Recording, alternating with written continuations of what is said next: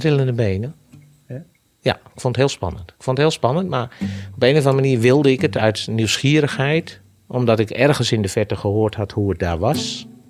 Dromen zijn eh, in ons gezin kon gewoon niet.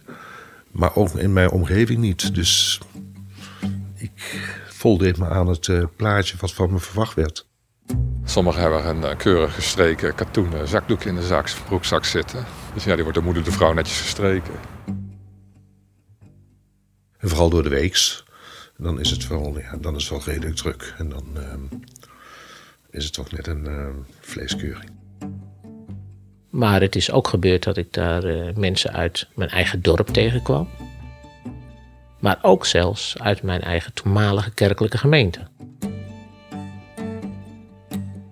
Kijk, of je toch kunt scoren. Het is uh, jachtinstinct. Hè. Mannen zijn ja. jagers. Hebben een jagersinstinct in zich. Veel mannen in ieder geval. Ja, die paar die ik dus daar tegenkwam, die schrokken zich helemaal lam.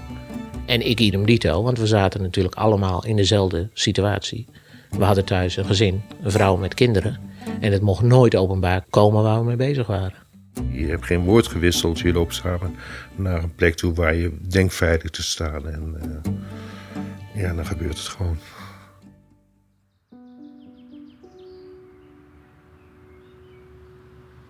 Heel af en toe hoor je er iets over in het nieuws. Als er iemand is mishandeld of een gemeente ervan af wil. Mannen-ontmoetingsplekken. Openbare plaatsen, vaak langs een drukke weg en in het groen, waar mannen komen voor seks. Een goed deels verborgen parallelle wereld die mij altijd al heeft gefascineerd. Omdat dit fenomeen omgeven is door geheimzinnigheid. Vanuit mijn eigen verwondering deed ik, Maarten Dallinga, de afgelopen maanden onderzoek voor Omroep Gelderland. En ontdekte ik dat er in Gelderland zeker tien mannenontmoetingsplekken zijn. Waarom bestaan ze? Via contactsites, een anoniem chatprogramma en allerlei organisaties zocht ik contact met mannen. En dat kreeg ik meestal niet. Want de meeste bezoekers zijn als de dood dat bekend wordt dat zij naar dit soort plekken gaan. Maar uiteindelijk wilden drie mannen uitgebreid met me praten. Dit is Anoniem Intiem, een serie over mannenontmoetingsplekken. Aflevering 1. Op jacht.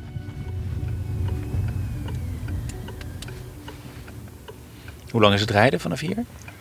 Uh, drie minuten. Wanneer was de laatste keer dat je Ginkelse Zand bezocht? Ik vermoed dat dat vier weken geleden is geweest. Het was rustig. De hectiek is eraf en uh, dynamiek ook. Dit is Johan en dat is niet zijn echte naam. Hij is lang, heeft witgrijs haar, een getekend gezicht. Hij is 58. Ik had met hem afgesproken op een carpoolplaats en ben bij hem in de auto gestapt. Een collega waarschuwde me van tevoren. Vertrouw je het wel? Ja. Een paar weken eerder ontmoette ik Johan al bij een rechtszaak over het Ginkelse Zand. Misschien wel de bekendste mannenontmoetingsplek van Gelderland. Langs de A12 bij Ede. Die gemeente sloot in 2016 de klaphekken die vanaf de parkeerplaats toegang gaven tot het bos. Waarop een belangenclub een rechtszaak aanspande. Bezoekers zouden zorgen voor overlast, verstoring van wild en zwerfvuil. Nu zijn mannen voor seks bij de parkeerplaats veroordeeld tot een smalle groenstrook pal naast de snelweg. Maar ze stappen dan toch uit en kijken wat er aan de hand eh, wat er, uh, nog kan gebeuren op het terrein van uh, Rijkswaterstaat zelf of de parkeerlocatie zelf. Dus niet op het achterliggende gebied. Ja, een stukje groen nog eigenlijk bij de parkeerplaats en voor dat hek. Ja, exact. Naar wat voor mannen ben jij op zoek? Zo'n plek? Die ik aantrekkelijk vind uiterlijk, uh, fysiek uiterlijk, uh, het gezicht. En, ja, dat. en wat vind jij aantrekkelijk? Nou, daar ga ik niet over uitweiden direct. Ja, dat, dat zijn van die persoonlijke dingen. Het is sowieso persoonlijk natuurlijk om, om met een journalist nu naar die plek toe te rijden. Hoe, hoe is dat? Um, ook wel spannend. Alleen, uh, uh, ja, we slaan hier af dus nu ehm, naar de parkeerplaats.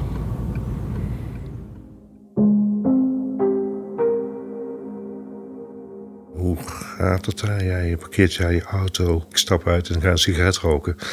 En je probeert ook contact te maken met iemand als er geen bekende is. Want soms zijn de bekenden waar je gewoon even mee praat en dat soort dingen. En soms leidt dat gewoon tot een heel leuk gesprek. Uh, ja, een andere momenten weer tot seks. Ik ben Wessel, ik ben 61 jaar, ik ben getrouwd met een vrouw. Ik heb twee kinderen, vijf kleinkinderen en een jaar of acht uit de kast. Ik ben bij Wessel thuis in Ede. We zitten op de grote hoekbank van zwart nepleer. Op de rugleuning liggen kussentjes met katten erop. Wessel heeft op zijn rechterbovenarm een tatoeage, zie ik. Een hartje, met in het midden de naam van zijn vrouw. Ik, eh, ik bezoek één keer in de week een, uh, een cruiseplaats. Uh, in de homewereld is meer bekend als Baan. dat is Ginkelse Zand in, ja, in, in Ede, langs de A12. Hoe lang kom je daar al? Oeh, even kijken hoor. 30, 35 jaar. Bijna mijn hele leven zou ik dus zeggen. Mijn seksuele leven laat ik het zo. En dus ongeveer elke week? ja, ongeveer elke week ja. En vaak als het tot seks leidt is het ook gewoon bijna woordloos met die, met die man. Geen, eh, je hebt geen woord gewisseld. Je loopt samen naar een plek toe waar je denkt veilig te staan. En uh, ja, dan gebeurt het gewoon. En op het moment dat het klaar is, ja, dan, dan ga je ook weer woordloos naar je auto toe. En uh, je start de auto en je bent weg. Ergens op de Gelderse Bijbelbelt woont Ben. Dat is zijn echte naam, maar zijn achternaam en waar hij precies woont wil hij liever niet bekendmaken. Het is een broeierige lenteavond als ik bij hem thuis ben. We praten eerst wat over zijn katten en drinken koffie. In de tuin zitten wil Ben liever niet, dan kunnen de buren alles horen. Ik ben 53 jaar, woonachtig in een klein dorp op de Veluwe. Bijna 25 jaar getrouwd geweest met een vrouw. We hebben samen drie kinderen en sinds zes jaar gescheiden. De eerste keer dat ik naar een eh, homo-ontmoetingsplaats ging, dat is voor zover ik weet wel een heel proces aan vooraf gegaan. Van ontdekken en zoeken. En je hoort dus in de omgeving waar ik toen woonde van, oh daar en daar, daar komen mannen bij elkaar. Dat vond ik heel spannend om te horen, maar ik durfde niet. Maar uiteindelijk ging Ben dus wel. Wat brengt iemand ertoe om naar een mannenontmoetingsplaats te gaan? Draait het enkel om lust of speelt er meer mee? Ben wil me erover vertellen en begint bij zijn jeugd. Toen ik 12 jaar oud was, ongeveer denk ik, in de eerste klas van de middelbare school, had ik een vriendinnetje. Gerry heette ze. En ik meende dat ik gevoelens voor haar had als kind. Maar eigenlijk wist ik daarvoor al wel hoe het bij mij zat. Dat ik toch, ik was anders. Ik, ik, ik kon toen al als kind van tien genieten van een mooie jongen en een mooie man. Hoe deed je dat? Kijken ja, kijken. En wat voelde je dan? Opwinding. Maar voor die gevoelens was geen plek in het gezin. Dat lid was van de orthodoxe gereformeerde gemeente. Homoseksualiteit bestond niet. Er werd nooit over gesproken. Nee, nee, nooit. Nee, nee, nooit. Nooit. Dat, dat, dat woord is zelfs nooit in, in mijn jonge jaren of in mijn heel mijn opgroeiende jeugd nooit gevallen zelfs in het gezin. Nee, nooit. Totaal nooit. En in de kerk? Nee, nee, helemaal. Nee, hoogstens dat er een keer de welbekende teksten van de kansel gedonderd werden. Van dit is in Gods ogen een gruwel. Als een man met een man verkeert. Weet je nog het moment waarop je wist: ik ben homoseksueel?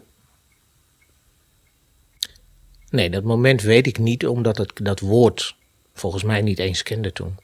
Wat ik wel weet is dat ik altijd kon genieten van uh, de roddelblaadjes met artiesten en mooie acteurs in, uh, in een zwembroekje. En dat was als kind al.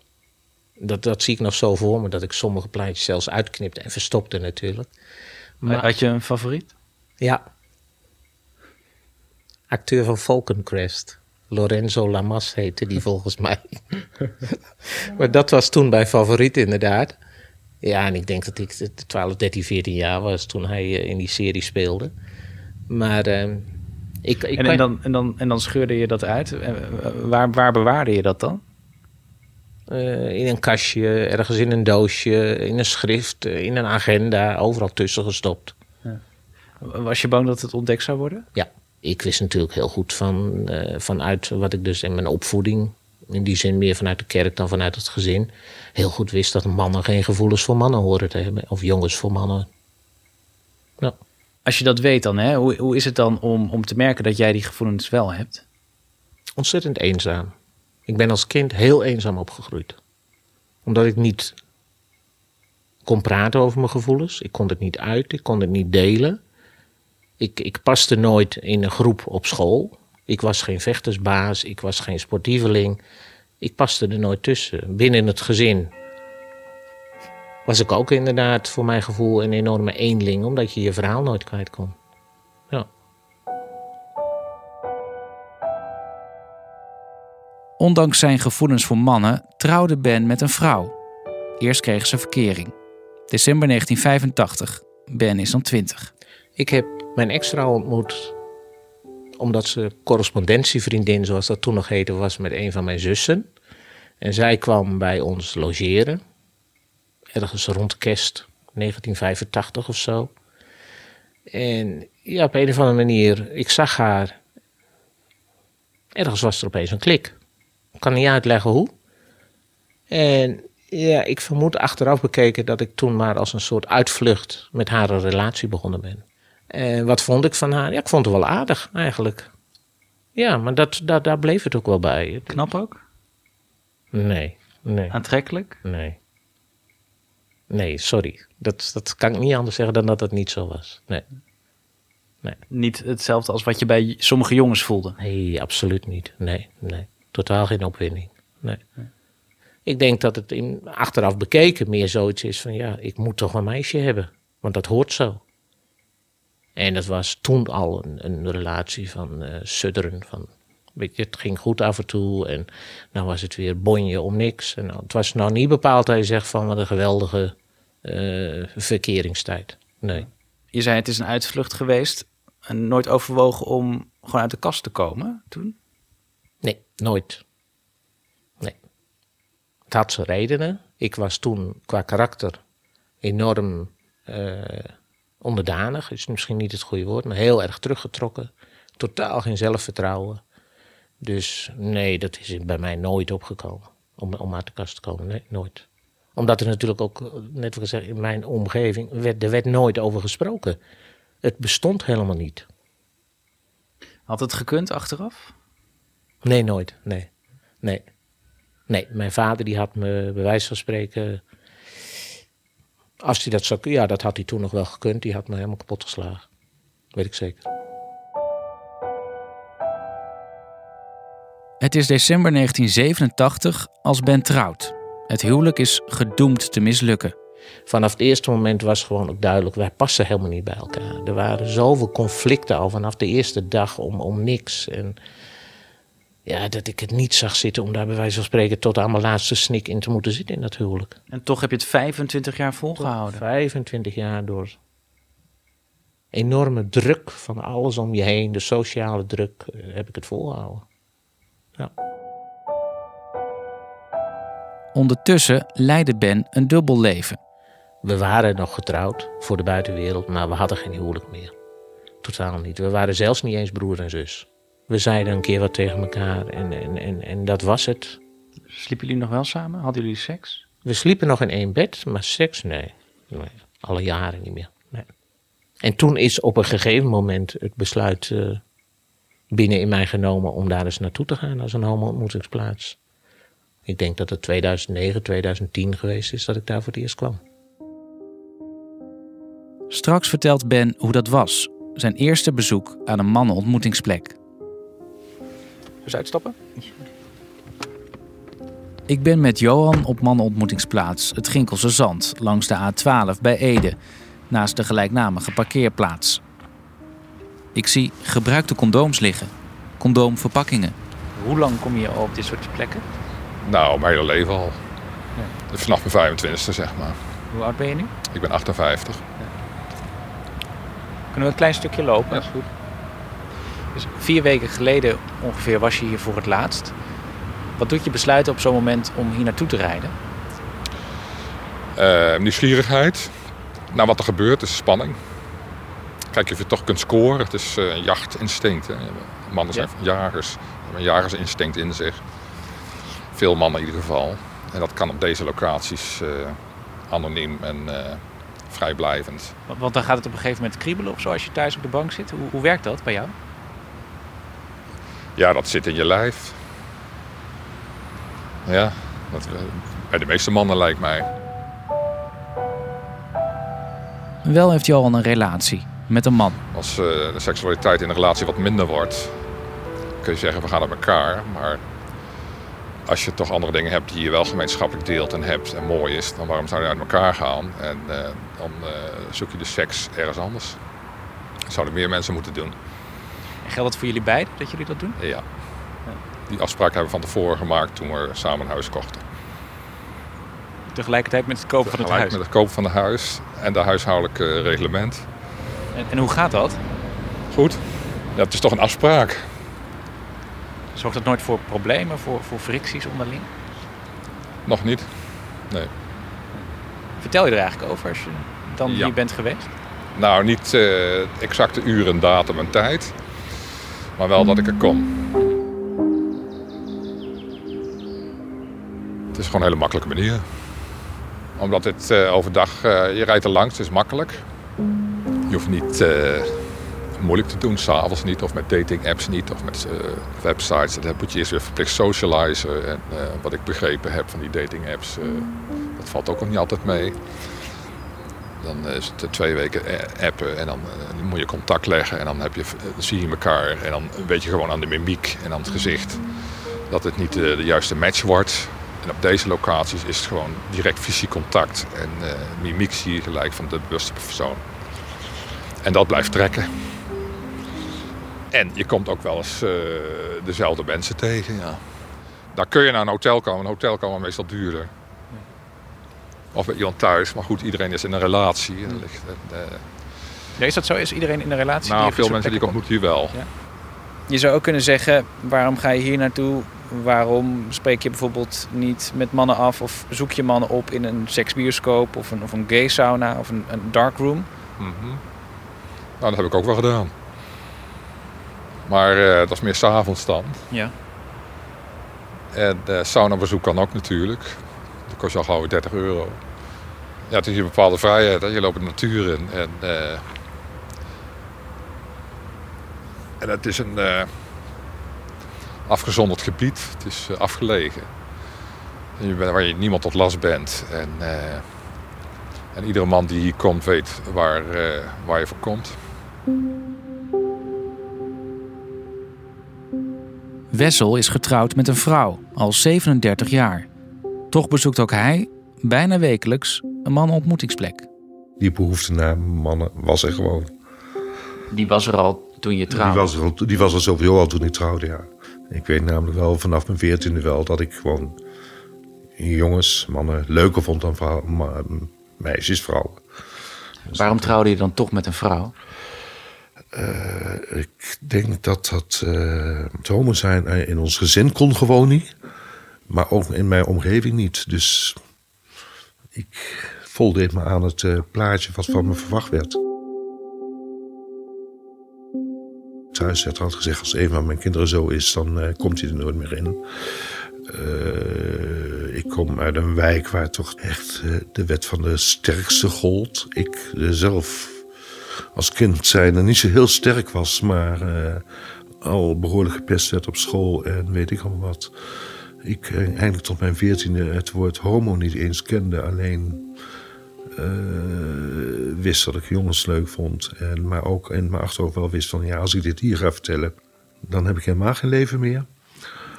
En ehm, ja, misschien had ik een, een aantal jaren later dat wel kunnen doen, maar ik eh, ging eh, op een gegeven moment ook wel in een ehm, omgeving werken waar heel veel mensen heel gelovig waren, waar het ook sowieso al niet eh, geaccepteerd werd. En daar heb ik eigenlijk wel eh, bijna 30 jaar gewerkt. Dus het is gewoon zo gebleven zoals het was. Wessel ging steeds meer verlangen naar seks met een man. En zo begon het. Ja, de eerste keer toen ik een, eh, echt een cruisingplek bezocht, was mijn zoon net geboren. Ik kwam er wel eh, heel erg bij toeval achter dat het een cruisingplek was. Ik had een nachtdienst gedraaid en ik stond er eigenlijk gewoon om een sigaret te roken. Ja, en dan staan er ineens mannen om je auto en ik denk, wat gebeurt hier? Uh, dat was voor mij wel een openbaring. Ik, wist wel, ik had wel van zulke plekken gehoord, maar het is dan daar naar de hand ook van een soort verslaving. Lijkt het wel van, oké, hier stop ik even, hier ga ik even uh, kijken hoe het gaat, kijken wat er gebeurt. En ondertussen bleef Wessel dus bij zijn vrouw. Scheiden overwoog hij niet. En dat was niet alleen uit angst voor negatieve reacties. Omdat ik op de een of andere manier ook wel gelukkig was in mijn huwelijk. Denk ik. En het was ook wel een veilig iets. Thuis was het stabiel. En ik was wel gelukkig in mijn huwelijk. Ja, toch wel gelukkig, op de een of andere manier gelukkig in mijn huwelijk. Hoe kan dat? Ja, dat weet ik niet. Heb ik me ook wel eens afgevraagd. Ik weet het niet. Ik heb uh, in mijn jeugd niet zo'n uh, veilig thuis gehad, denk ik. En dit voelde wel heel veilig. En, maar waarschijnlijk misschien ook wel omdat dat kinderen die veiligheid wil ge geven. Van, het is hier best wel stabiel dus. Dus ook misschien wel voor de kinderen, ik weet het niet. Acht jaar geleden kwam Wessel alsnog uit de kast. Maar hij en zijn vrouw zijn dus nog altijd samen. Daarover meer in aflevering 2. Ik wil weten, hoe gaat het eigenlijk op zo'n mannenontmoetingsplaats? Ben had er dorpsgenoten over horen spreken. Het trok hem. Ik vond het spannend worden. Het was niet zo dat ik nerveus werd van, oh, ik durf dit niet. Nee, want er was in mij een hele sterke wil om dat te willen. Omdat ik inmiddels van binnen het besluit genomen had van, ik wil met mannen aan de slag. Ik wil wat met mannen. En waarom niet al jaren eerder? Sociale druk. Omgeving, uh, wetend dat in de omgeving waar ik toen verkeerde en wat later ook bewaarheid is, wist van ik ga alles kwijtraken als het uitkomt. Toen had ik dus een mountainbike gekocht. Dus om een vrije middag ging ik mountainbiken. Maar ik had je die sowieso willen kopen of voor dit doeleinde? Vraag ik me af, weet ik, weet ik niet eerlijk. Het zou, het, ik denk, want het, het eerste wat ik, dat vergeet ik dus niet. Het eerste wat ik gedaan heb is daar naartoe rijden. Dat was het eerste ritje? Dat was mijn eerste ritje, ja, klopt. Hoe ver was dat? Kilometer of vijf. Hoe, hoe waren die kilometers? Hoe was dat ritje? Trillende benen. Ja? ja, ik vond het heel spannend. Ik vond het heel spannend, maar op een of andere manier wilde ik het uit nieuwsgierigheid. Was je van tevoren nog onder de douche gestapt? Had je, had je iets bij je, condooms bijvoorbeeld? Die had ik niet bij me, want die durfde ik niet te kopen. Ik was zeker onder de douche gestapt van tevoren. Ja, heel bewust. Maar ik had geen condooms bij me, nee. Nee, want waar moest ik die in ons dorp ongezien kopen? Mm -hmm. Dat ging niet. Nee. Ik zie mezelf aankomen rijden en richting de uh, grote parkeerplaats waar al die auto's, best overdag ook veel, staan. En dan uh, vanaf die parkeerplaats weer een zijpaadje ingaan naar een wat beslotener stuk. Dat zie ik inderdaad, ja, dat weet ik nog wel goed te herinneren. Ja. Is het bij een snelweg of waar is het? Het is niet zo ver van de snelweg af, inderdaad. Ja.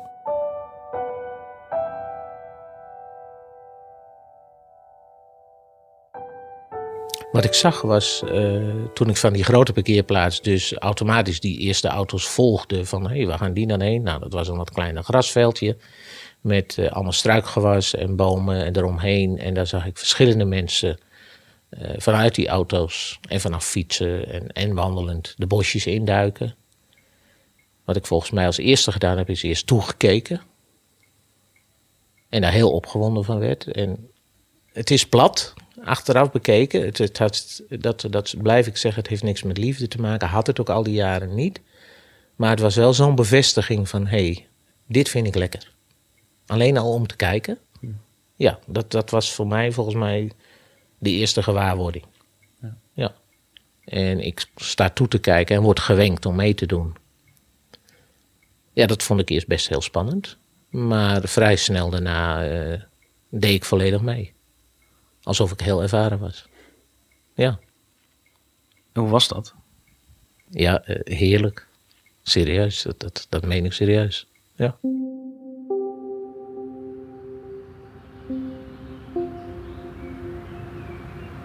Je kunt genieten van de natuur en de verschillende jaargetijden.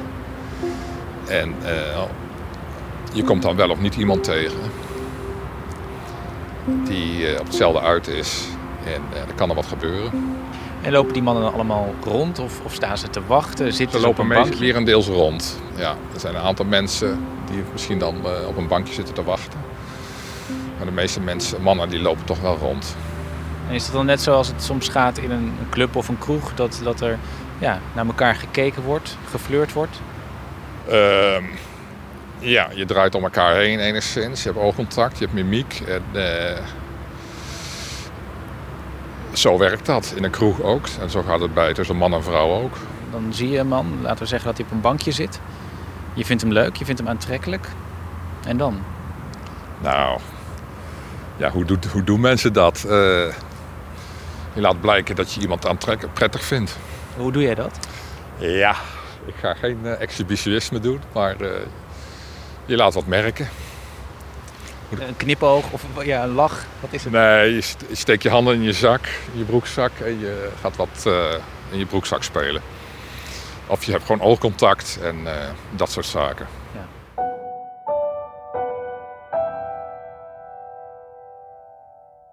Ja, als de een naar boven loopt, constant omdraaien. Even kijken of je wel volgt. Eh, eh, een- iemand die eh, wat brutaler is, die zal misschien wat eerder eh, wat seksuele getinte gebaren maken. eh, zoals eh, toch een beetje al over zijn kruis wrijven. waardoor, waardoor je al hebt, oké, dat die wil wel. Of toch een gebaar met zijn handen maken van joh, kom. Mm, Maar voor mij is meer de, de blik van de ogen belangrijker dan, dan de seksuele, echte seksueel getinte gebaren. Soms staan er wel eh, twintig auto's. En soms staan er maar drie auto's. eh, maar het gaat wel 24 uur door. daar. Ze zijn van 25 tot 70. En de meeste denk ik wel boven de 40 zo. Dus tussen de 40 en de 60. En die hele jonge jongens, hè? wat zijn dat voor jongens? Gewone jongens denk ik, ja. Die komen ook wel uit de buurt hier. Ja, dus die zijn, die zijn zich aan het oriënteren gewoon. En vooral door de weeks. Dan is het wel, ja, dan is het wel redelijk druk. En dan ehm, is het toch net een ehm, vleeskeuring. ja, ik weet er even geen ander woord voor. Dan is het al. ehm, en dan zie je ook al die mannen langs de auto's lopen, langs de vrachtwagens lopen. Sommigen hebben een eh, keurig gestreken katoenen zakdoek in de zak, broekzak zitten. Dus ja, die wordt de moeder de vrouw netjes gestreken. En eh, Je, je lacht erbij. Ja, ik vind het op zich wel grappig. Ja? Dat denk, die mannen vinden het heel normaal om hier dan te komen. Ja? Die doen niet spastisch. Het is hun vrijheid om hier even te stoppen. En dat, en iedereen weet waar, iedere man weet hier, die- als ze hier naar achtergebied lopen, waar ze voor komen. Je hebt niet het gevoel dat ze extra zenuwachtig zijn. De eerste keer waarschijnlijk wel, maar dat zijn ook mannen die hier ook al jaren komen. Eén keer in de zoveel tijd.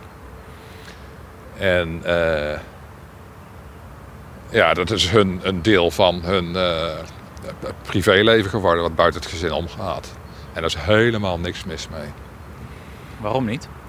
Die vrouw zou er niet eh, blij mee zijn, denk ik. Ja, maar goed, dat zijn dus onderwerpen die onbespreekbaar zijn ook.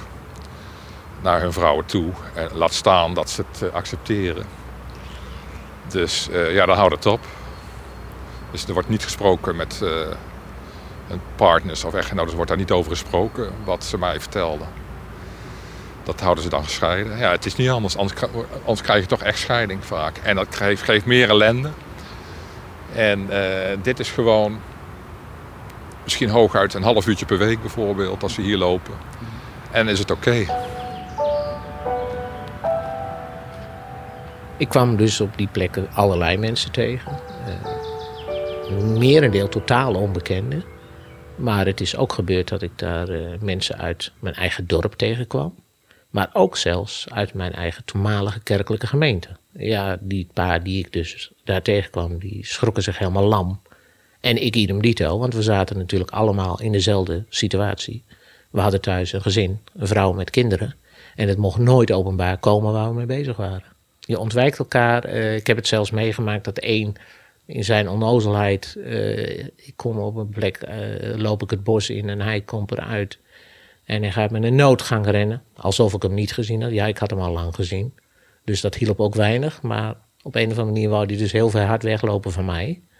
Maar ja, je ontwijkt elkaar. En heel soms, heel schuw, zeg je elkaar dan toch maar gedag, want je kent elkaar. Maar daar blijft het bij. En dan kom je elkaar op zondag weer tegen in de kerk. Dat klopt. En dan zeg je elkaar gedag. En wat die ander dacht, weet ik niet, maar wat ik dacht, weet ik wel. Oh ja, van de week zag ik je daar nog maar. Je verzwijgt het. Je doet net alsof je elkaar die dag voor het eerst ziet sinds die week. Het is, het is allemaal omgeven met een, ge- een, een waas van geheimzinnigheid. Dit was de eerste aflevering van Anoniem Intiem. Morgen op Radio Gelderland in aflevering 2. Ik ben ook wel eens eh kotsend het bos uitgekomen van... eh, gewoon puur omdat ik me zo schuldig voelde van... eh, dit mag niet, dit kan niet, dit eh, hoort niet. Ik weet nog wel dat ik nieuwsgierig was naar hoe het dan gaat op zo'n homoparking. Dus mijn vader heeft me een keer meegenomen, ja. En ik ben dat gewoon eens gaan bekijken. ja, misschien heel niet goed, maar ik, ja, dat is apart. Het werd op een gegeven moment voor mij een verslaving, omdat ik absoluut niet meer zonder kon. Nee, ik, ik eh, geef eerlijk toe, van, ik ben blij dat ik eh, nog andere hobby's heb. Ja. Als je zo lang een dubbel leven leidt, hè, is er dan wel eens een moment dat je denkt: het hoeft voor mij niet meer? Ja hoor, ja. Ja, die zijn er regelmatig geweest, die momenten. Ook momenten dat je echt denkt van... nou, ik kan beter van deze wereld af zijn, want ik doe mensen alleen maar verdriet. Maar die bewuste week in september 2012 dus, dat ik dus echt voor, wist van, eh, ik ben mijn gezin kwijt. Dus ook mijn vrouw, maar ook mijn kinderen, gevoelsmatig mijn kinderen. Eh, mijn werk kwijt, mijn huis kwijt, mijn inkomen. Ik was gewoon alles kwijt. Alles waar ik op bouwde, zogezegd, wat mijn leven was, was ik gewoon kwijt. Abonneer je op deze podcastserie om niets te missen. En ik zou het fijn vinden als je anderen erover vertelt. Reacties zijn welkom op mannenontmoetingsplekken.gld.nl. En bij deze podcastserie hoort ook een artikelenreeks. Die vind je op omopgelderland.nl slash mannenontmoetingsplekken. Bedankt voor het luisteren.